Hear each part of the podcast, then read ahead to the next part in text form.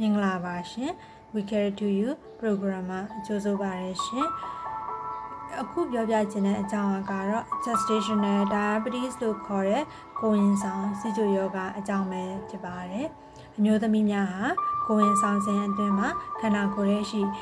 ဟော်မုန်းအပြောင်းလဲတွေကြောင့်အစာချေပြတ်လုပ်ငန်းလဲပတ်မှုပုံမှန်ဖြစ်ပြီးစီဂျိုယောဂဖြစ်လေရှိပါတယ် ကိုဝင်ဆောင်စီဂျိုယောဂဟာကိုဝင်ဆောင်စဉ်မှာအသက်ကြီးခြင်း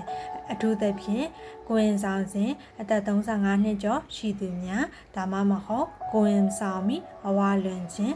ကိုဝင်မဆောင်ခင် BMI 30နှစ်အထက်ရှိတဲ့အမျိုးသမီးများစလိတ်တောက်သူများမိသားစုထဲတွင်စီဂျိုယောဂရှိခြင်းအရင်ကိုဝင်ဆောင်စဉ်မှာကလေးအသေးမွေးခြင်းကလေးကြီးလွန်ခြင်းအစရှိတဲ့သူအများစုမှာကိုဝင်ဆောင်စီဂျိုယောဂကိုခံစားရတတ်ပါတယ်ကိုဝင်ဆောင်စီဂျိုယောဂခံစားနေရသူများတွင် မိခင်မှာခွဲမွေးနိုင်ခြင်းရာဂိုင်လုံးမြင်မာခြင်းကိုဝင်စိတ်တက်ခြင်းနာတာရှိစီဂျိုယောဂဖြစ်နိုင်ခြင်းကလေးမှာလည်းကလေးအသေးမွေးခြင်းစောမွေးခြင်းမွေးကင်းစားကလေးမှာ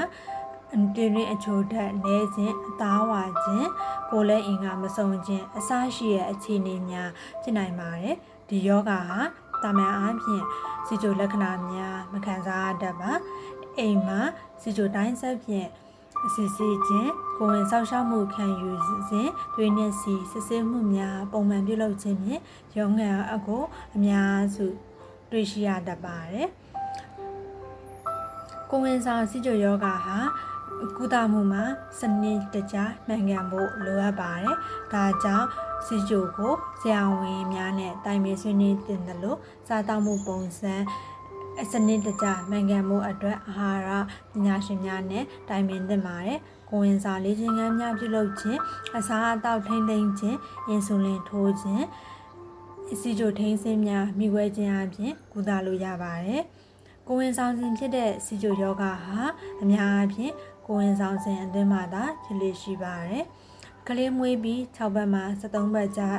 အတွင်းလဲတွင်များကိုပြန်လဲစစ်ဆေးဖို့လိုအပ်ပါတယ်။ ကိုဝင်ဆောင်စဉ်နှင့်ကိုဝင်ဆောင်ပြီးအခြေများတွင်ဆရာဝန်များရဲ့ညွှန်ကြားချက်များကိုတည်တည်ကြကြလိုက်နာခြင်းအပြင်ကိုဝင်ဆောင်စီးကျိုယောဂကိုတစ်သက်လုံးဖြစ်ခြင်းမှာကာကွယ်လို့ရပါတယ်ရှင်